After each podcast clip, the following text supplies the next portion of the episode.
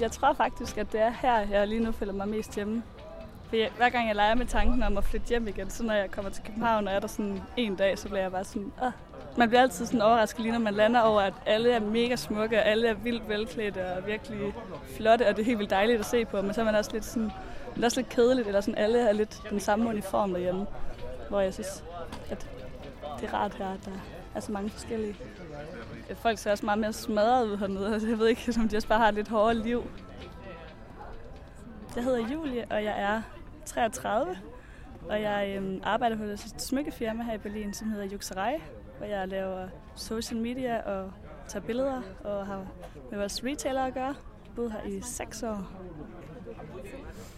Øhm, da jeg var færdig med min bachelor, så skulle der ligesom ske et eller andet nice. Og jeg var lidt træt af København, og så flyttede jeg herned sammen med en veninde, bare ligesom for at komme på lidt eventyr, og vi ville bare hænge herned i seks måneder, og fandt bare sådan lidt, lidt et random job hos Zalando. Øhm, og så mødte vi bare en masse nice mennesker, og havde det rigtig sjovt. Så blev det til et år, så blev det til to år, og så udviklede det sig derfra.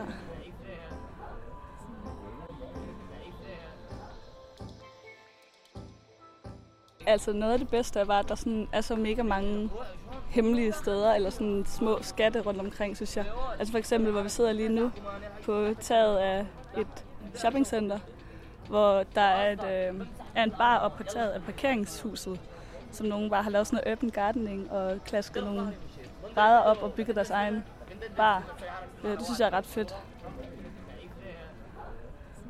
Jeg kan godt lide, at, at sådan faldefærdige steder aldrig bliver revet ned, eller at det ikke er sådan, det er forbudt, eller det skal sælges til en eller anden rig mand, der bygger en masse lejligheder. Altså så får folk lov til at lave en midlertidig klub, der var indtil det så skal rives ned. Eller sådan, der er ikke rigtig nogen regler her, så folk gør bare, imens de har noget at gøre godt med. Eller sådan.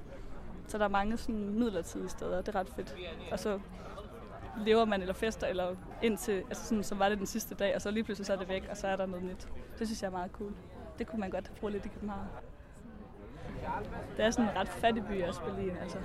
Øh, altså synes jeg desværre, sådan, de sidste par år er der kommet virkelig, virkelig, virkelig mange hjemløse. Altså der sådan ligger folk, der har det dårligt på hver eneste gadehjørne, og i ugebaren tigger de vildt meget. Og sådan, det synes jeg er ret hårdt at se.